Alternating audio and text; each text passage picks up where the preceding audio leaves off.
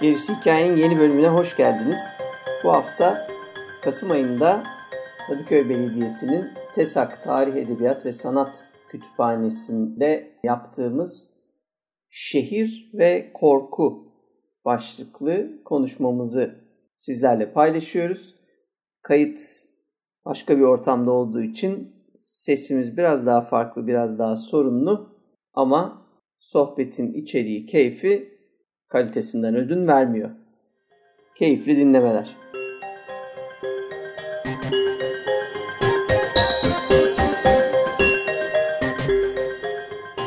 Merhaba, hoş geldiniz. Biz Gerisi Hikaye ekibi olarak e, şimdi burada sizlerle e, bir arada olmaktan çok memnunuz. Yıllar oldu aktivite yapmayalı pandemi evet. dolayısıyla biz de çok uzak kalmıştık. Bu yanılmıyorsam uzun süredir ilk sohbetimiz, ilk panelimiz. Hoş geldiniz. Hoş geldiniz. Merhaba. Ben Demokan Atasoy. Ben Işın Beril Tetik. Ben de Galip Dursun. Bizler Gerisi Hikaye adlı bir podcast yapıyoruz. O yüzden Gerisi Hikaye ekibi olarak kendimizi önden tanıtıyoruz. Ee, korku sanatları üzerine edebiyat, tarih, sinema, dizi, e, aklımıza gelen her konuyu konuştuğumuz böyle bir çalışma var. 2014 yılından beri düzenli olarak Cuma günleri yayındayız. Ee, biraz yazın ara veriyoruz ama bu sene de biraz geç başlayacağız yine hastalıklar falan derken ama Aralık'ta başlarız büyük ihtimalle. Bugün de bir araya geldik şehir ve korku başlığı altında sizlerle sohbet edelim diye ve önce bir yanlış anlaşma olmasın. Şehir ve korku dediğimiz zaman biz işin sanat tarafındayız, edebiyat tarafındayız. Onu konuşmak için geldik. Daha bir hafta önce yaşanan işte vahşetti, şuydu buydu şehrimizde yaşadığımız korku, gerçek korku. Ve tabii ki bizleri etkileyen bir şey olsa, hepimizi etkileyen bir konu olsa da e, biz biraz işin edebiyat tarafına, sanat tarafına e, girerek ilerlemek istiyoruz. Zihnimizi yani geleceği şekillendirmeyecek siyaset kargaşasından çıkarıp işte sizler şekillendireceksiniz geleceğimizi bence bu Türkiye'yi. Yeni yeni falan değil yani bu iş. E o, o güzel şeyleri sanatla yapacağız, kültürle yapacağız, bir araya gelerek yapacağız. Bunlardan kaygılanmayarak yapacağız. Ve bir giriş olarak da şunu söylemek geliyor aklıma. Şimdi edebiyat dediğim zaman, işte sanat dediğim zaman şehirle korkuyu bir araya getirmekten bahsedince de ilk benim aklıma korku deyince bir kere edebiyat kısmında en eski, en etkilendiğimiz şey olarak gotik geliyor. Ve gotik edebiyatta ne var? Daha çok kasvet var, karanlık var, e, doğaüstü etkenler var. Ama bunların hepsi daha çok kırsal alanda başlıyor 19. yüzyılın, 18. yüzyılın sonlarında.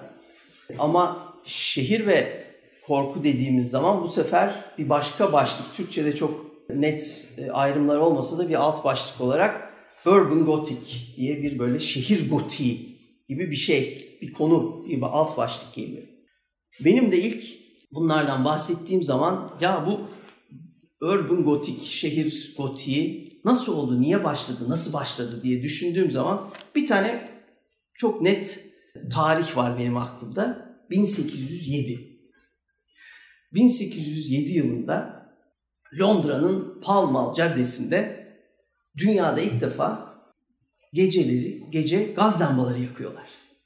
1800 yılında Londra'daki o geceye kadar gece hayatı diye bir şey yok. Kırsalla şehir arasında yani gündüz kalabalığını saymazsak neredeyse aslında pek bir fark yok. Gündüz insanlar her ne işleri varsa yapıyorlar. Ondan sonra gece evlerine kapanıyorlar. Dışarısı çünkü karanlık tehlikeli. Yani bir arada da olsan, büyük bir kalabalık gibi de görünsen şehirler hala karanlık. Derken o gece birileri lambaları yakıyor. Şehir, sokak aydınlanıyor. İnsanlar gece ilk defa sokağa çıkmaya başlıyorlar. Sonraki 30-40 sene içinde de bütün Londra aşama aşama aydınlanmaya başlıyor sokak sokak. Sanırım yani 1840'larda 40 bin lamba falan e, yakmış oluyorlar o sokaklarda. Ve bu ne sağlıyor? İnsanların geceleri işleri güçleri bittikten sonra evde oturup işte şömine başında birbirlerine kitap okumaktan, hikaye anlatmaktan çıkıp sokakta gidip içki içmeye gitmeleri, kumarlarını oynamaları, işte kadın peşinde koşmaları vesaire yepyeni bir kapı. Yani bir, bir anda böyle 12 saatlik yeni bir zaman dilimi ortaya çıkıyor. Daha az tehlikeli görünen. İşte bu aynı zamanda bir yandan bir aydınlık ama aynı zamanda bir yandan da çok garip bir karanlığı doğuruyor. Çünkü o lambaların arasında karanlıklar var. O lambaların ışığı sizi dışarı çıkacak kadar cesaretlendiriyor. Ama orada ışığın olmadığı ara köşeden, kenardan birinin çıkıp sizin içeri çekip sizi soymasını da engellemiyor. Hatta şöyle bir şey var. Charles Dickens'ın 1879'da yazdığı, onu şuradan notum yanlış söylemeyeyim. Dictionary of London, Londra sözlüğü diye bir kitap var. Oradan bir alıntı e, okuyacağım. Sokakların ne kadar tehlikeli olduğunu, özellikle sis varsa tehlikenin katlanarak arttığını söylemeye gerek bile yok. Başarılı bir soygunun ardından bu doğal olmayan karanlığın içinde kaybolabilme olana suçluların bu şehrin en sevdiği yanı diyor. Doğal olmayan karanlık diye bir şey çıkıyor. Çünkü doğal olmayan bir ışık var. Doğal olan ilk 200 bin yıldır insanlar gündüz ışık vardı, gece karanlık vardı. Sonra gecenin bir vakti bir ışık yandı. Ama bu doğal değil. Bunu gaz lambalarıyla insanlar yaptı. Ama o ışık yeterli değil. Ve o ışık bu sefer suçluları çekti. Suçlular bize şehrin içinde gündüzden çok daha korkutucu bir dönem yaşatmaya başladılar. Birden artık şehir o kadar da güvenli olmamaya başladı. Gündüz belirli bir kontrol varken geceliğin suçu işleyip kaçıp kaybolma ihtimalini doğurdu bu ışıklar. Dolayısıyla bu bence biraz da ben tabii işin hikaye anlatıcı tarafıyla yani işi çok tarihi olarak e, birebir otorite gibi konuşuyorum diye yanlış anlaşılmasın. Bunun bir hikayesini kuruyorum kafamda ve ben mesela olayları böyle başlatıyorum. Gotik şeyden, kırsaldan şehre bence e, bu lambalar sayesinde geldi. Ve o siste, o karanlıkta suç işleyip kaybolan bir normal bir adamın, bir suçlunun, bir hırsızın doğaüstü bir yaratığa dönüşmesi o karanlıkta ve o sisin içinde çok da zor olmasa gerek. Bir noktadan sonra şehrin içinde vampirler de dolaşmaya başladılar. E, hayaletler de insanlara zarar vermeye başladılar. İş bir hikayeleştirerek gelişen bir e, sürece dönüştü ve böylece şehir gotiği, şehir gotiği bence şehir korkusunun da başlangıcı oldu gibi geliyor bana.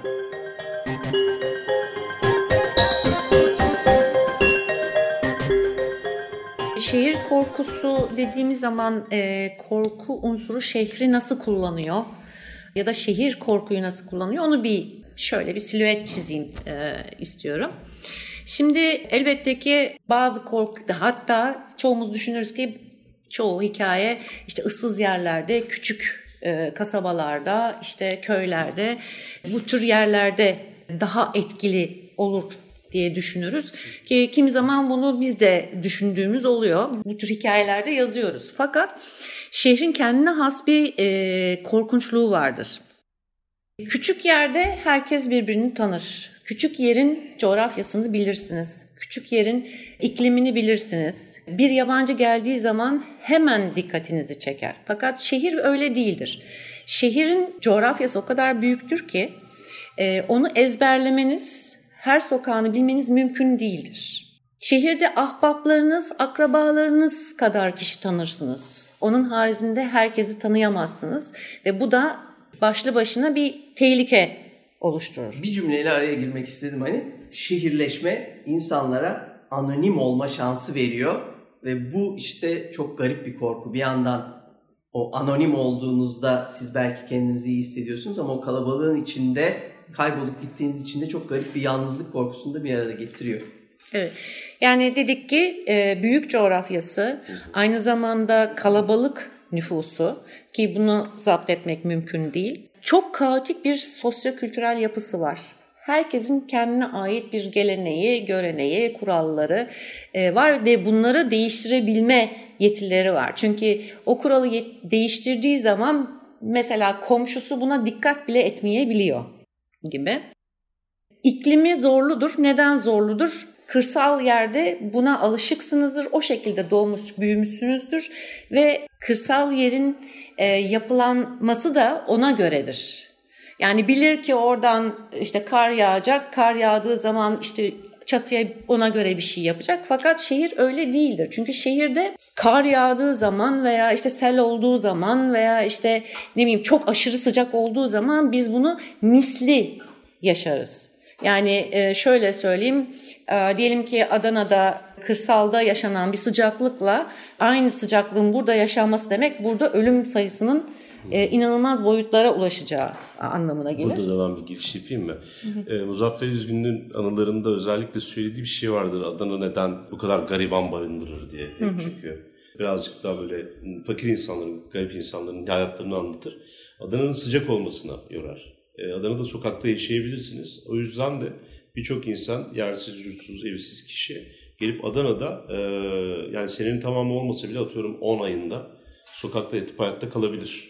Hmm. Bir formülize eder mesela. Yani hmm. şehrin bulunduğu yer coğrafyada aslında o kalabalığı birazcık yaratıyor.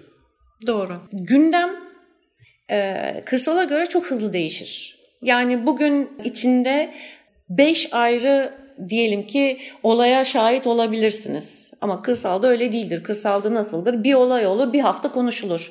Ama burada bir olayı bir hafta konuşmak gibi bir olasılığınız yoktur. Sürekli değişir. Sürekli ya biri birini döver, biri birinden kavga eder. İşte haberde duyarsınız. İşte biri kaza yapmıştır. İşte biri birine saldırmıştır falan. Yani Şehirde sokakta yürürken dahi bir kavgaya denk gelmeniz veya bir işte kazaya denk gelmeniz çok daha yüzde olarak yüksektir. Ama buna rağmen şöyle bir şey vardır. Şehrin kalabalığı ve ışıklığı yalancı bir güven hissi verir. Bir süre mesela diyelim ki kırsaldan buraya geldiğinizde e, bir süre bu sizi hani o bir güven hissiyle bir oyalar. Ama bu güvenin yalancı bir güven anla, olduğunu anladığınızda paranoya başlar. E, tabii ben bu arada kurgu kısmını anlatıyorum. E, gerçek hayatta da tabii benzerlikleri vardır ama kurgu kısmı burada başlıyor. Ne zaman ki bu paranoya başlıyor, bu sefer her yerde bir şey görmeye başlıyorsunuz. Bir olay görmeye başlıyorsunuz, bir tuhaflık görmeye başlıyorsunuz, bir sinsilik, bir tekinsizlik görmeye başlıyorsunuz. Ve e, bu şekilde kendi içinize kapanıyorsunuz. Yani şehri dışarıda bırakmaya çalışıyorsunuz. Halbuki şehir siz istediğiniz kadar dışarıda bırakın bir şekilde sizin hayatınıza sızmayı başarıyor. Şimdi tabii şehir tıpkı kırsalda olduğu gibi bazı korkuları kullanıyor. E, fakat tabii farklılıkları var. Mesela diyelim ki salgın. Salgın küçük yerde daha kolay kontrol altına alınabildiği halde büyük yerlerde e, zaten bunu yaşadık hepimiz e, çok hızlı bir bulaşla daha büyük boyutlara, daha korkutucu boyutlara geliyor. Bu da bir korku unsuru oluşturuyor. Bu yüzden filmlerde genelde şehirler başroldedir salgınlarda. Aynı şekilde istila da öyle. Şimdi bir köyü istila ettiler dediğiniz zaman hani 3-5 kişiyi kaçırır, olmadı bir inek kaçırır.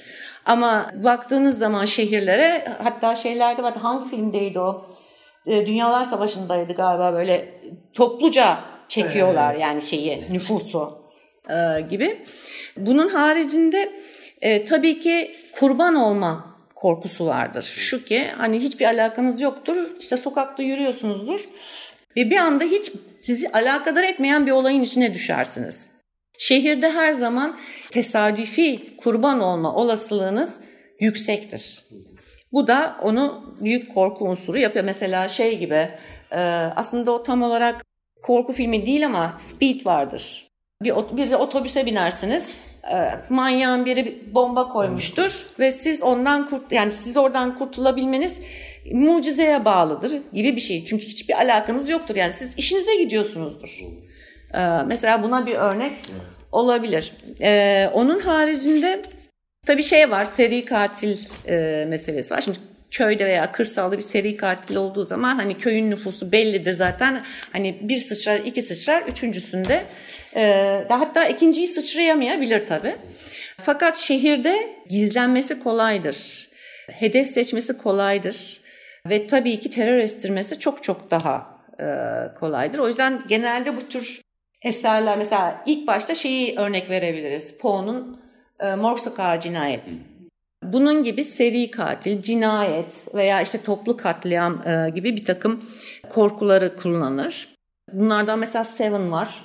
Tabii. E, gerçekten bir şehir korkusudur. Çünkü filmde yani neresi olduğunu anlamayız ama e, karanlıktır, yağmurludur, kasvetlidir. Korkunu korkuyu bütün yoğunluğuyla size hissettirir. E, kuzuların sessizliği gene aynı şekilde. Onda da çok sayıda e, kurban seçebilme olasılığı vardır. Çünkü saklanması kolaydır. Evet, evet. Seven mesela çok hakikaten doğru evet, bir o, o çok çok e, Rosemary'nin bebeği hmm, var mesela. E, ama o daha çok tarikat ve o da şehirde ama. Yani o, o da şehir. Galiba Rosemary e, Wood, Woodhouse'un başına gelen iş. Yani şehrin içinde bunların gizlenebiliyor olması esas hı hı. çarpıcılığı dediğin gibi seri katil. Şey de var. Mesela Rosemary'nin bebeği daha çok şeye giriyor. Bu şehrin bir e, ya da bu bu yapının bir sırrı var. Hı hı. Yani şehirdeki yapılar, lanetli yapılar veya işte kötü bir takım şeyleri barındıran yapılar gibi. Mesela Rosemary'nin bebeği böyle bir eser. Yani orada bir tarikat var. Bir tarikat olduğunu bilmiyorsunuz. Siz yeni bir apartmana taşınıyorsunuz. Komşularınızı çok iyi görüyorsunuz. Mesela Şeytanın Avukatı da aynı şekilde. Evet. Bu tür eserler yapıları hedef alıyor. Yani tekinsiz yapılar e, korkusunu e, kullanıyor. Sizin burada var mı? Şehrin yani Kadıköy'ün en eski binalarından birindeyiz şu an. Tarih korkuyu hayal etti. Var değil mi? Birazdan gelirim. Işıkları kapatınca. Alt katta şimdi tasnif ediyordur bir şeyler kütüphane oluyorsa. Bölge ve caddeler, e, sokaklar, e, küçük mahalleler mesela kullanılır. E, Elm Street mesela bunlara güzel bir örnektir. Candyman Gene güzel bir örnektir film olarak. Bunlar e, mahallelere dadanan işte şehir efsanelerinin gençlerin peşinden koştuğumuz biraz slasher aynı zamanda slasher tarzı dediğimiz şeyi e, alt türü destekliyor. Kendimen tamamen şeyden çıktığı için mi de e, grafiti falan tabii, tabii, tabii, tabii. Zaten tam bir şehir konusu. Bir de tabii tacizci bask, ev baskınları, rehin alınma, e, mesela ransom vardır aslında güzel olan. Görünmez adam, Gene şehirde geçer. Phone booth yani şey telefon kulübesi izlediniz mi bilmiyorum. Benim tüylerim diken diken etmiş. Yani korku değildir aslında e, bir çeşit gerilimdir. Ama hani e, biri tarafından hayatınızın kontrol e, altına alınması ve size istemediğiniz şeyler yaptırması bence korkunç bir şey. Şey vardır Final Destination. O da mesela sürekli ölüm peşinizde geziyor ama kimde sıra olacak, kim ölecek, kim kalacak belli değil ve siz biliyorsunuz birisi yani arkanızda. Ve, ve yani mesela Final Destination gibi örneklerde yani buraya girmesinin en önemli sebebi şehir seçenekleri çoğaltıyor. Yani ölüm peşinizdeyse sizi nasıl öldüreceğini seçerken köy yerinde elindeki malzemesi az, işte ev az, içerideki eşyalar az derken oysa şehre geldiğinde sonsuz olanaklarla e, size saldırmaya imkan sağlıyor. Şehir ve kalabalık yani kalabalık, suçlunun kaybolması, işte dediğimiz gibi bu Londra'daki işte ilk ışıklar yandıktan sonra gerçek hayatta da sonuçta karın deşen Jack'in ortaya çıkması bir tesadüf değil. Ama karın deşen Jack'in 200 yıl 150 e, yıl neyse sonra hala konuşulabiliyor olmasının sebebi işte şehir korkusunun yani sanayileşmeyle bir araya gelip bir araya toplandıktan sonra artık birbirinden uzaklaşamayan bu insanların sanayileşme geçti. Biz post industrialist dönemdeyiz geçti ama biz artık bir aradayız. Ayrılamıyoruz ve kalabalıklarda insanlar kaybolabiliyorlar. İstedikleri suçu işleyip bundan kurtarabiliyorlar Koçayı. Niye çok kalabalık? Anonimler. Evet.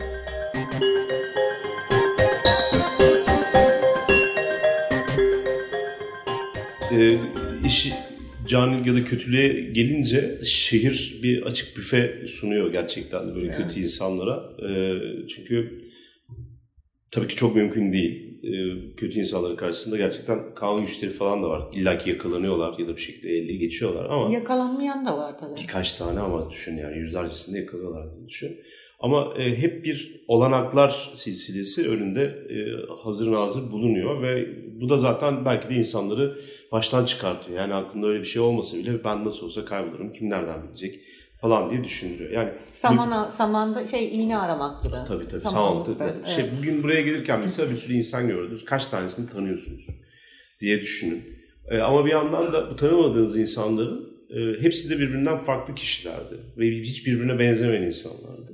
Baudrillard'ın büyük ihtimalle hani bir şey yaptı, formüle ettiği bir flanör kavramı var. Bir aylak kendi halinde gezinen ve bu yüzsüz, suratsız, e, hiç tanımadığınız kalabalığın içerisindeki bir kişi, e, kayıp kişi hikayesi var. Bütün o seri katillerin kaybolması, anonimite gibi şeyleri aslında anlatıyor. O da büyük ihtimalle de Edgar Allan Poe'nun 1840'da yazdığı Kalabalıkların Adamı hikayesine dayanıyor. Kalabalıklara gittiği zaman canlanan böyle hani cana gelen diyeyim artık bir e, şerir bir yaratıktan bahsediyor. Şeytan ifrit demiyor ama e, böyle bayağı cana geliyor. Öbür türlü tenha bir sokaktan geçtiği zaman canı sıkılıyor. Habis bir hal alıyor falan gibi. Onun peşinde gezinir Poe. Bir, bir ara bir anlatmıştım hatırlıyor musun? Karga'da falan okumuştum o hikayeyi. Şimdi şehir ve korkuyu yan yana getirdiğimiz zaman dedim ki arkadaşların da açtığı bazı şeyler var. Bunlar üzerinden bir anlatmak istiyorum. Şehir dediğimiz şey insanların bir arada bulunup organize olup birlikte yaşama biçimlerinden bir tanesi.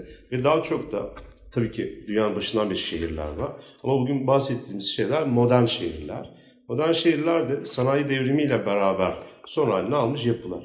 Demokrat'ın biraz önce anlatmış olduğu şey Dickens'ın anlattığı Londra sisi fabrikaların bacalarından çıkan yoğun sisle beraber olan bir şey ve yapay. Yani Hava doğada böyle bir yok. Evet. Ve e, Londra'nın sisi de meşhur. E, bir yandan gaz lambalarının insan medeniyetine ya da hani insan ne diyeyim ruhuna, medeniyetin ruhuna katmış olduğu bir şey var. Daha evvelinden de insanlar sokağa çıkabiliyorlar. Ama mesela kandilsiz gezmek yasak.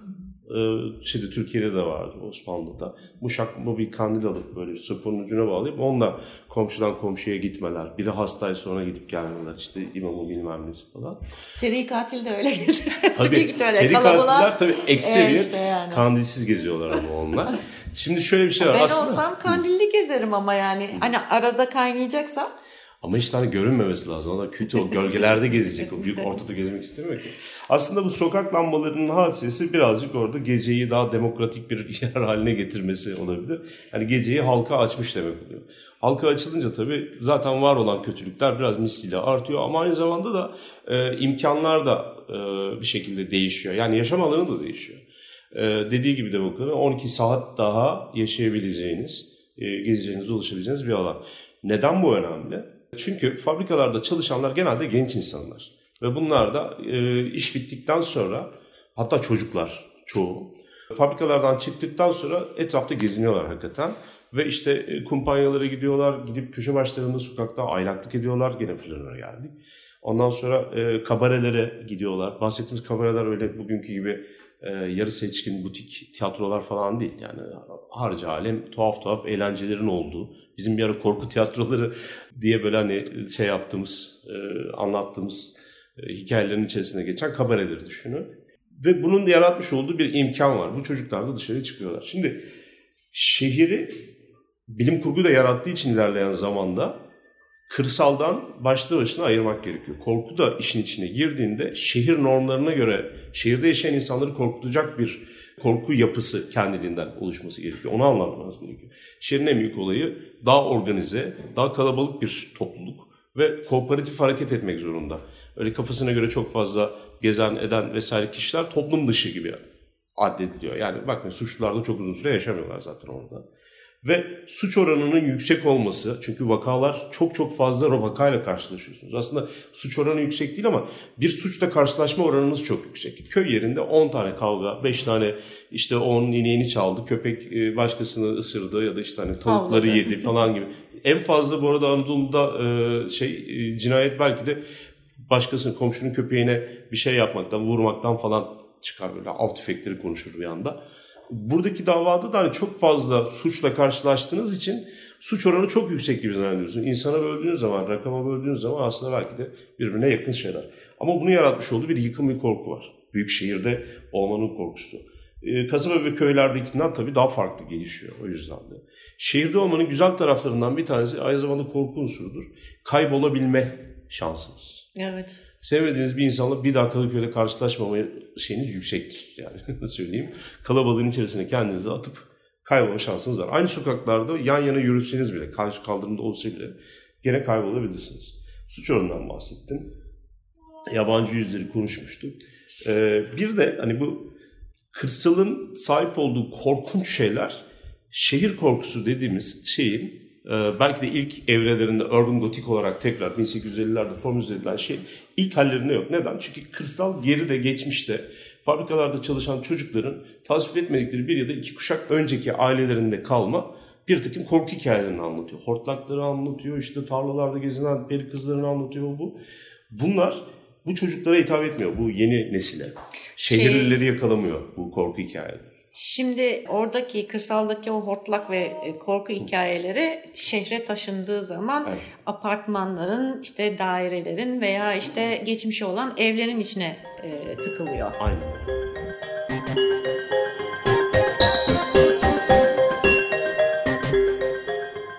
Şimdi e, bunun getirmiş olduğu da bir takım yeni korku konseptleri var aslında bakarsanız. Tabii herkes yabancıdan korkar. Bunda bir şey yok. Hatta hani yaygın lafla burada yabancıları sevmezler.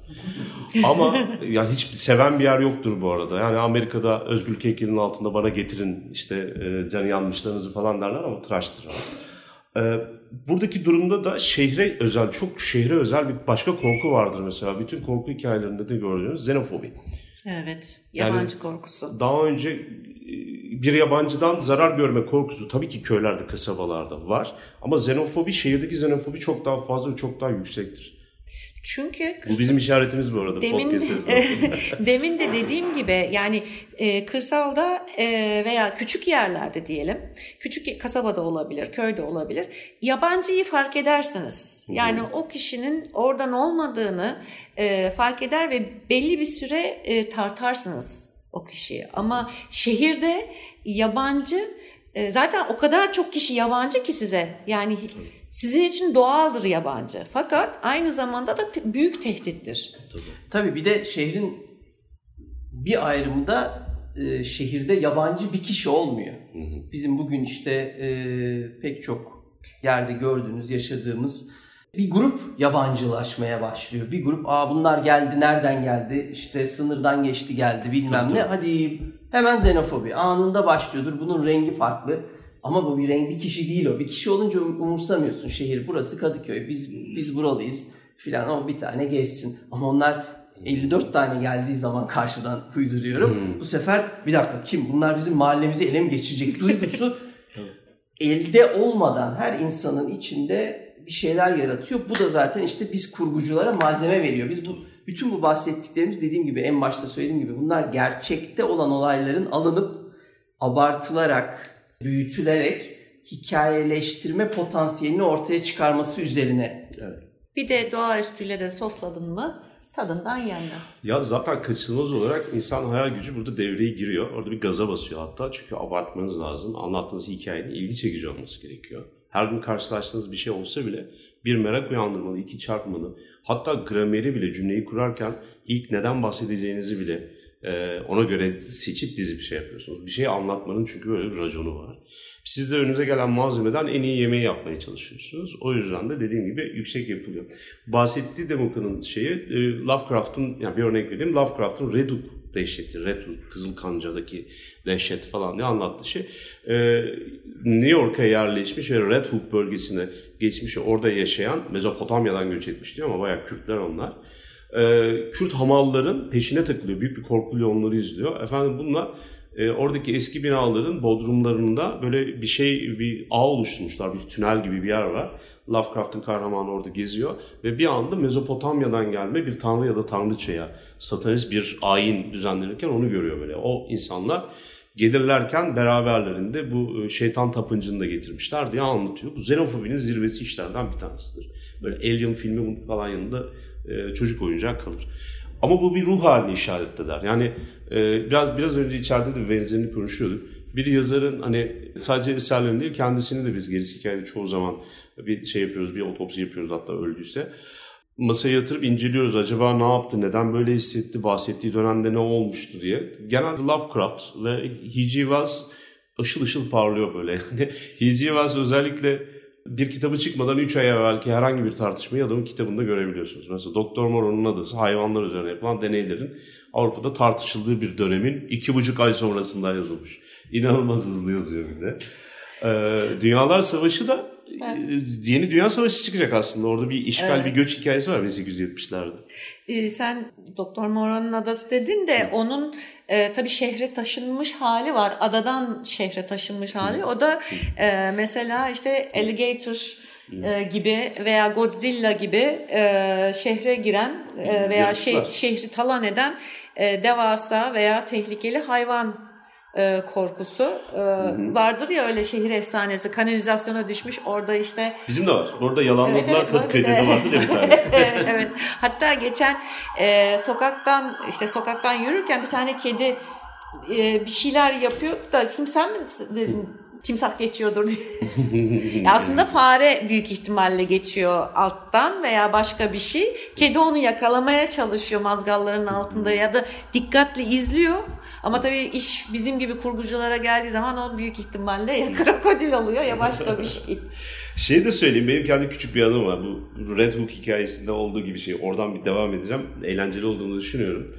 Bir bayram günü ya şeker bayramı ya kurban çünkü. Dini bir bayram günü etrafta biraz sessiz sakin gibi böyle hani bayramın ilk günü Kadıköy'ün öğlen saatlerine yakın bir ufak tenhalığı vardır ya ondan sonra hemen patlar böyle hani o insan fırtınası. Tam o dönemde bir arkadaşımla beraber yürüyoruz. İlk önce yanımızdan e, Afgan ya da Özbek takkili bir tane çocuk geçti. Çocuk diyorum simayen küçük ama yani öyle bir yüz var ki Benjamin Button gibi yaşlı doğmuş çocuk. Yani yüz hatları falan bize bir yabancı. Ben de hani evvel eski şeyleri araştırıyorum, bakıyorum falan sakalı makalı böyle gür. Ama genç bir çocuk belli. Bir tane geçti yanımızdan sonra bir tane daha geçti. Boğadan aşağı doğru iniyoruz Söğütlü Çeşme'ye. Hala böyle geçiyor. Ya dedik ne oluyor? Bir şey mi oldu? Hani çünkü bir iki değil ya 20-30 kişi geçiyor. Devamlı yanımızdan uzun kaftanlarıyla beraber çocuklar. Ondan sonra aralarında büyükler var falan. Kendi aralarında bir şeyler konuşuyorlar. Dedik herhalde tamam o bahsedilen hepimizin e, korkarak, çekinerek beklediği şey gerçekleşti. Hakikaten iş savaş çıkarttı bunlar. Ondan sonra bir baktık bu şey kesildi tabii. Geçerken falan oradaki esnafı sor böyle hani herkes kendine birbirine bakıp konuşuyor diyor ki bunlar nereden çıktı bu kadar adam ne oldu bir anda bir yerde mi geldiler falan. Esnaf dedi ki bunlar dedi çöpçü çocuklar dedi. Nasıl yani falan. Şimdi her gün sokakta karşılaştığımız yanımızdan geçen çöp çok toplayan, çekçeklerle gezen çocuklar bayram günü olduğu için kıyafetlerini giymişler, tertemiz giymişler, buluşmuşlar. 20 kişi bir yerden bir yere gidiyorlar. Yarattığı korkuyu düşünebiliyor musun? Yani böyle Söğütlü Çeşme Caddesi boyunca herkes şöyle bir gerildi böyle hani kavga çıksa herkes saldıracak falan. Ve olan ne? Çocuklar da gezmeye gidiyorlar bir tek. Buluşmuşlar. Ve e, tam olarak Red Hook şeyi gibi önümüzden geçti. Hasan Paşa özellikle benim bu Hook hikayesine çok benzettiğim bir yer. Çünkü şehirde ilk göçü alan başka yerlerden gelen alanlar vardır belli bölgeler. Hep de oralar alır. Hasan Paşa'ya yani 100 tane şey diksen, rezidans diksen gene orada bir tane Özbek çocuk 20 e, tane arkadaşıyla beraber bir daireye geçip yerleşecek. Ya da bir başkası atıyorum Ukrayna'dan birileri geldiğinde ya da biz gittiğimizde böyle bir yer olacak yani. O yüzden de pazar günleri mesela çok daha farklı bir dünyası oluyor. Pazar günü çünkü çalışmıyor o insanlar ve geziyorlar. Evlerine gidiyorlar. Ee, erkek arkadaşları, kız arkadaşları geliyor. İnanılmaz bir doku, bir profil haline geliyor böyle oradaki şey. Haftanın altı günü. Bir başka şeye ait görünüme, profile. Yedinci gün ise yepyeni bir şey bir anda Lovecraft'ı korkutan şekilde e, ortaya çıkıveriyor. Tabii Kültürel Lovecraft'ı şey da övemiyoruz. O da, o da ırkçı bir adam. Kültürel yapısı bir anda değişiyor aslında evet. çevresi de değil. Bence hoş. Özbek mantısı falan denenebilecek şeyler bunlar. Çünkü bizler de birinci nesil e, yani göçle gelen insanların Tabii çocuklarıyız İstanbul'a. Ama biz bir iç göç yaşadığımız için e, çok büyük sorun olmuyor. Biz Kanadalı biriyle tanışmıştım ben. E, oturduk bir yerde yemek yiyoruz, konuşuyoruz. Ya Türkiye'ye hiç göç gelmiyor falan diyorlar tabii bu mevzular başlamadan 5-10 yıl önce. Nasıl gelmiyor ya İstanbul'da hani normal İstanbullu yoktur falan deyince adam dedi ki yok ya bundan bahsetmiyorum. Yani hiç yabancı gelmiyor. Burada zenci yok. Orta Doğulu yok. Bilmem ne yok. Hep biz Türksünüz dedi adam. Evet ama yani buralı değiliz. Herkes iç göçte geldi falan deyince orada benim kafama dank etti. Böyle, Şeyler Siz daha göç görmediniz. şey, ya, macirler var vesaire var. Macir, Meacir Tom. Macir.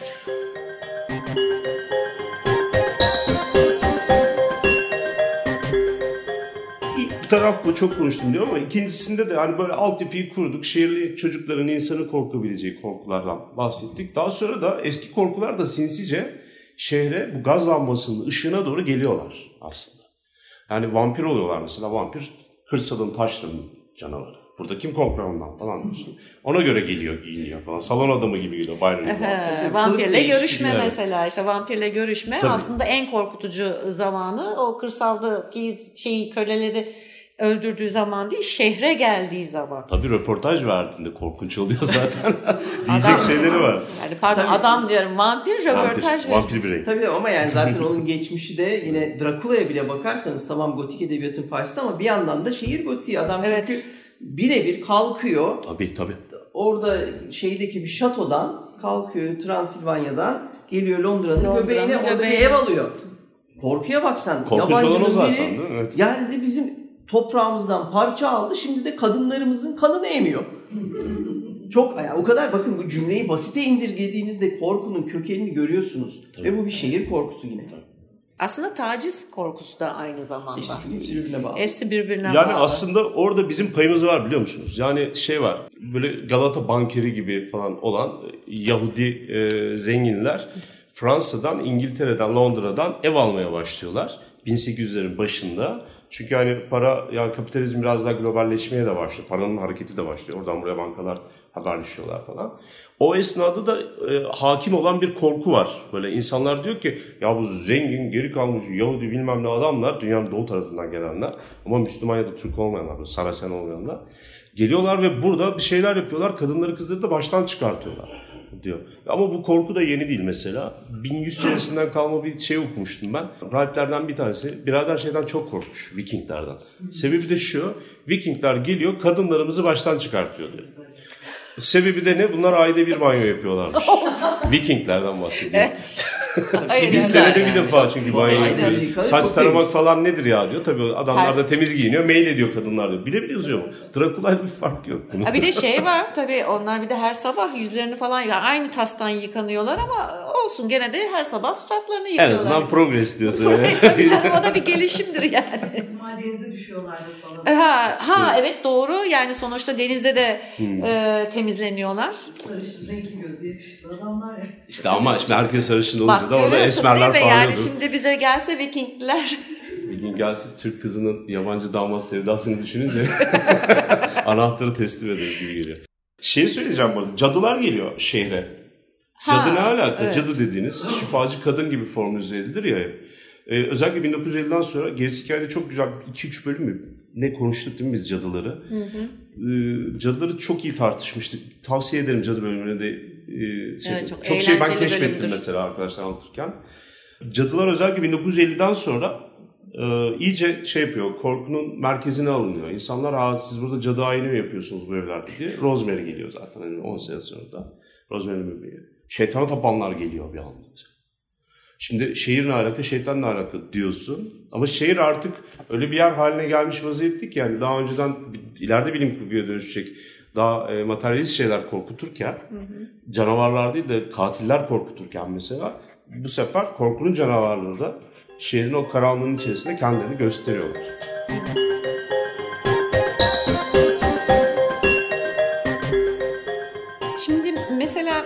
eski korku filmlerine baktığınız zaman e, genelde ölümün kendisi e, korkunçtur. Yani tabii ki tekinsizlik, atmosfer, işte o gerilim, yakaladı, yakalamadı vesaire tabii bunlar da korkunç. E, fakat işin özüne indiğiniz zaman hani nasıl öldüğü ve e, ölüyor mu ölmüyor mu bütün korkuyu o şeyde toplar. O odakta toplar. Yani mesela baktığınız zaman Drakula'da hani dönüştürmesi değil öldürmesi daha korkunçtur aslında.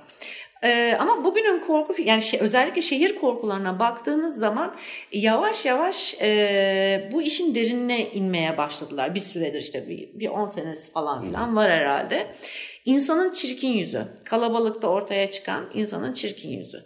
Nedir? Ee, bir dehşetli bir durum vardır. Dedik ya insanlar birbirlerinden farklı kültürel anlayışları farklı, dilleri belki farklı, dinleri farklı, inanışları farklı, alışkanlıkları farklı ve bu kadar insanın yani bu kadar farklı insanı bir araya koyup üzerine dehşet saldığınız zaman asıl korkunç olanın kendisi dehşet değil, insan olmaya başlıyor. Mesela bu özellikle şehir korkusunda fazlaca öne çıkmaya başladı. Mesela tam şehir korkusu denemez belki ama e, aslında ben olsam şehir korkusuna sokarım çünkü güzel bir e, örnektir. Train to Busan mesela. Busan treni bir zombi e, filmidir ama orada e, mesela muhteşem bir insan dramı da görürüz. Yani aksiyonu var, vahşeti var, dehşeti var ama bizi e, eninde sonunda hani dehşetle titreden şey insanların birbirlerine karşı gösterdikleri tepkilerdir. Yani zor durumda büyük bir şehirde büyük kalabalıkların içinde herkes kendi başına. Yani herkes artık hayatta kalma mücadelesinde ve kimse kimseye elini uzatmayacak. İşte esas dehşet bence bu.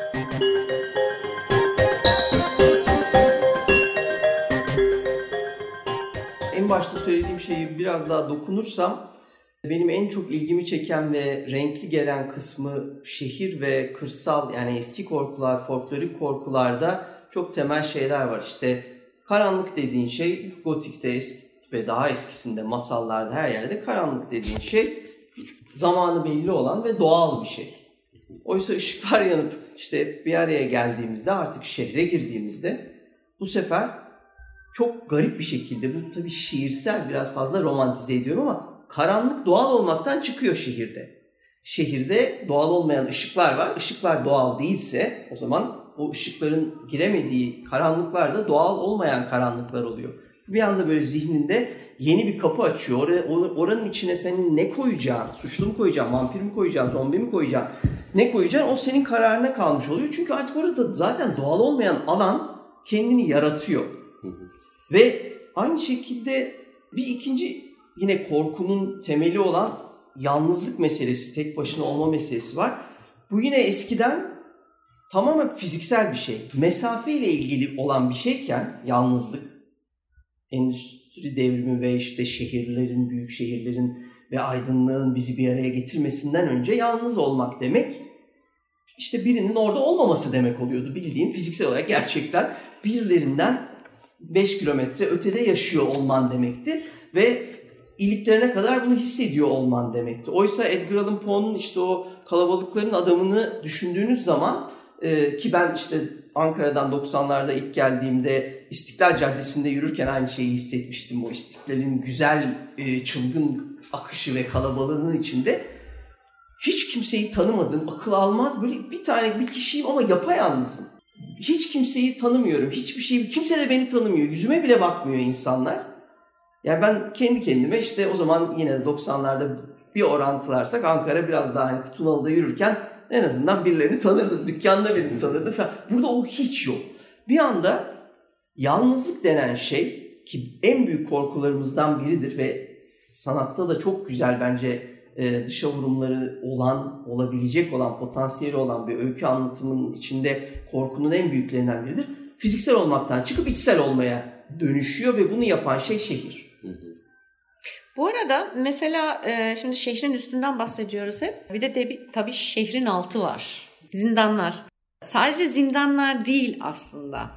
E, yerin altında mesela şeyi kullanırlar. E, terk edilmiş metro hatlarını, e, tren hatlarını veya işte maden, eski madendir.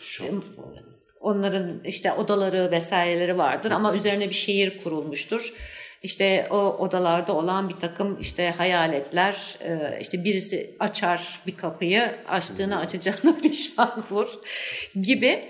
Mesela bununla ilgili bizim özellikle ekip olarak sevdiğimiz As Above, So Below bunun şeyinin Türkçesi aşağıda ne varsa yukarıda da var gibi bir manası. Gibi bir, bir şey. Evet.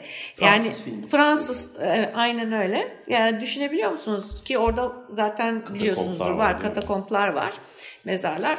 E, tam olarak mezar da denmiyor ona. Anıt mezar falan gibi bir şey herhalde onlar. Yani çok tuhaf bir yer orası. Başta Evet. başına bir konudur o. 6 milyon kişinin e, kemikleri var. İskelet. Yani. Aa, iskeletleri var yani. Şimdi böyle bir yer zaten zaten korkunç. Yani böyle bir yere inmek zaten tüyler ürpertici. Bir de onu kurgulaştırıp onu daha da böyle e, artık allayıp süsleyip püsleyip e, cehennemin dibine kadar inip bir de e, dünyayı alt üst etmek yani sizin boyut dediğiniz yani algı bo- boyut algınızı tamamen ters yüz eden bir filmden bahsediyoruz. Bence çok iyi örneklerden bir tanesi. Yani bir şehrin korkunç gizemine dair en iyi örneklerden e, biri olabilir. Bu şey yöresel olarak da değişiklik gösteriyor tabii konumlar, lokasyonlar. Türkiye'de de özellikle İstanbul üzerinde ele alırsak sarnıçlar mesela e, bu bahsettiğin e, şeyi yapar ve insanların hayal gücünü harekete geçirir. Çocukken hatırlıyorum ben küçük yılda doğdum büyüdüm. Orada meşhur bir mağara camimiz vardır. Çınar Camisi. Aa, biliyorum. Mağara cami denmesinin sebebi arka tarafında bir oyuk var efendim eski bir tünel. Efsanelerde hep şey söyler şehir efsaneleri. Oradan giriş yaptığınızda adada bir tane şey var. Manastır var. Oradan çıkıyorsunuz. Efendim Maltepe Küçük Yalı Bizans imparatorlarının yazlık mekanı zaten. Ee, işte hani Kadıköy bölgesinin tamamı gibi de düşünebilirsiniz. Ee, oradan geçitler varmış falan. Ne çıktı yıllar sonra? Arkeopark yaptırıldı. Bir tane sarnıç çıktı aslında. Ama bizi bir 20 sene götürdü oradaki şey. 30 sene. en azından benim şahit olduğum kadarıyla. Böyle etkiler çok fazla var. Bir de şöyle bir şey vardı. İstanbul deprem e, kuşağında olan bir yer. Depremlerde binalar yıkıldığı zaman yerin altına böyle kat e, çökme kalkma olduğunda e, bazen binalar, bazen sokaklar, bazen bölgeler olduğu gibi yerin altına iniyorlar. Mesela bunu Amerikalılar çok kullanırlar. San Tabii işte şeyde aynen öyle. İkinci Dünya Savaşı'nın e, sırasında zaten sığınak meselesi var. E, yani Avrupa'daki e, pek çok binanın altında sığınaklar var. Hatta birbirleriyle yani bütün bir blok boyunca birbirleriyle bağlantı e, yapılmış e, sığınaklar var. Yani mesela burada ölenler var. Bunun hayaletlerini vesairelerini de kullanıyorlar. Yani bir kurgucu için Bazıları çok. malzeme çok hatta bir hazine gibi neredeyse.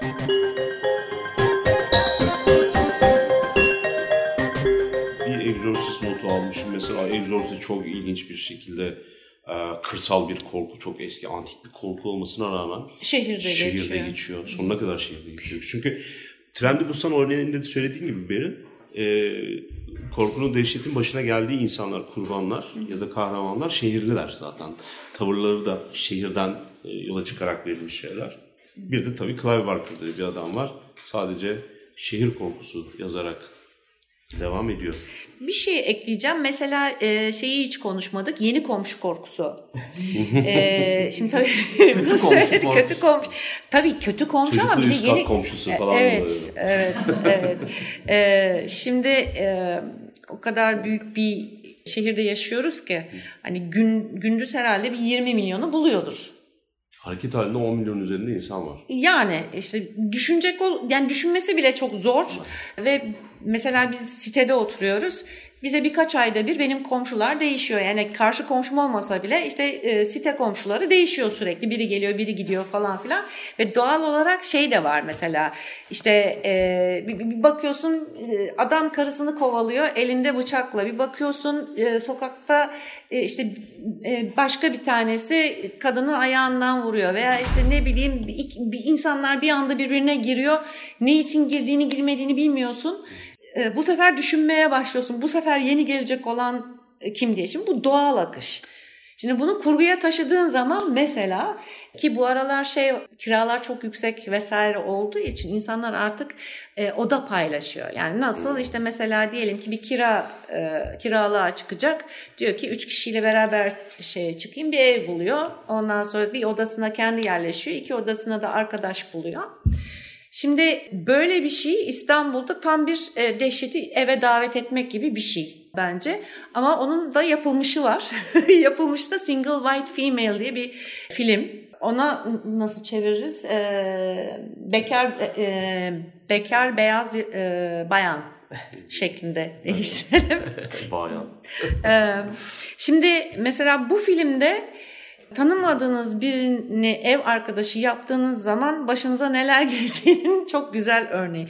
Tabii Ee, şöyle bir şey var. Ben gene o filmi hani bir parça hafif buldum. Çünkü İstanbul'da böyle bir şey olduğu takdirde neler olabileceğini Ya, düşünmek daha iyi istemiyorum Demokan açıkçası. orada Airbnb yapıyorlar mı? Mesela ben onlardan daha çok korkuyorum. Evet evet Evet, Türkiye evet. için yani bilmiyorum yani e, ama ben de mesela Airbnb denen şeyin Türkiye'de çok gerçekçi olmadığını düşünüyorum. Evet. Korkunç yani gerçekçi değil derken işte gerçekçi olmayan çok korkunç hikayeler yazabiliriz yani. Evet, evet. Birilerini o eve aldığınız zaman neler olabileceğine dair. Zaten bizim meselemiz de işte bu kalabalık e, şehir kaygı korku yükseldikçe kurgunun da e, zenginleşmesi, o zenginliğin kültürel olarak e, bize yeni kapılar açması ve işte bunun sonucunda da e, ben bugün 2010 yılında hayal bile edemeyeceğim bir şekilde bugün Kadıköy'de geçen vampir öyküleri anlatmanın çok daha gerçekçi ve kolay olduğunu görüyorum. Çünkü so- sokağa çıktığımızda gerçekten artık kimse kimseyi tanımıyor.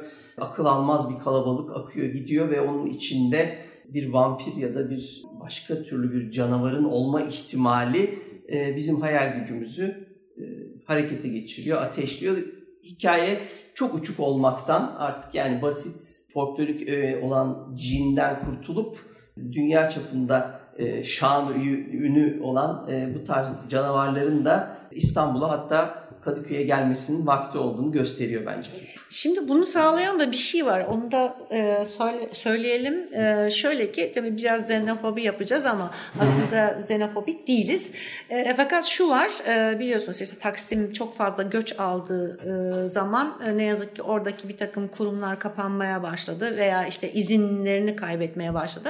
Ve oradaki e, büyük bir güruh yani eğlenceyi seven, akşam işte barına gitmeyi seven veya işte ne bileyim daha kültürel şeyler yapmayı tercih eden büyük bir kitle e, orada barınamadığı için Kadıköy'e hücum etti. Şimdi eski Kadıköy'ü bizler hatırladığımız için biliyoruz yani bu kadar büyük bir kalabalık yoktu ve bu kadar çok bar pub vesaire de yoktu. Sayılıydı. Herkesin kendine göre işte bir, bir pub'ı vardı. Öyle bir durumdaydı yani. E, fakat şimdi öyle değil. Şimdi adım başı pub, adım başı işte e, bar vesaire e, şeklinde. Tabii doğal olarak da kalabalık arttıkça kurgucunun hayal gücü de Potansiyel artıyor. potansiyel olarak artıyor. E, çünkü oraya vampir saklamam daha kolay. Oraya kurt adam saklamam daha kolay. Oraya bir katil saklamam çok daha kolay. Bu aynı başta verdiğimiz şey gibi. Yani bir köye bir katili çok zor saklarsınız. Herkes birbirini tanır. Tabii oranın da ayrı korkusu var, korkuları var. Ama e, şehirde e, çok rahat saklarsınız.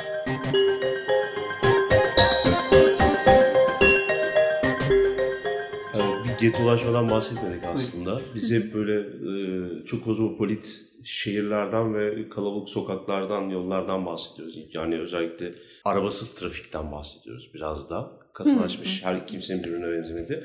Ama insanların birbirine benzediği, aynı dili konuştuğu gettolar da mesela kendi başına bir Hani buna urban bir korku dersek mi? Şehir korkusu Suburban. dersek. Suburban. Evet, suburban korkusu. İşte Elm Street falan mesela ona çok daha yaygın. Ya da bu Clive Barker'ın Candymani'inden bahsettiği şekeri olan. Şeker adam. Pardon. Şeker olan. Şeker olan. Pisliğine söyledim tabii. Biraz hani orada bir iki çark dönsün diye. Çünkü hani benzer şeylerden bahsediyorlar.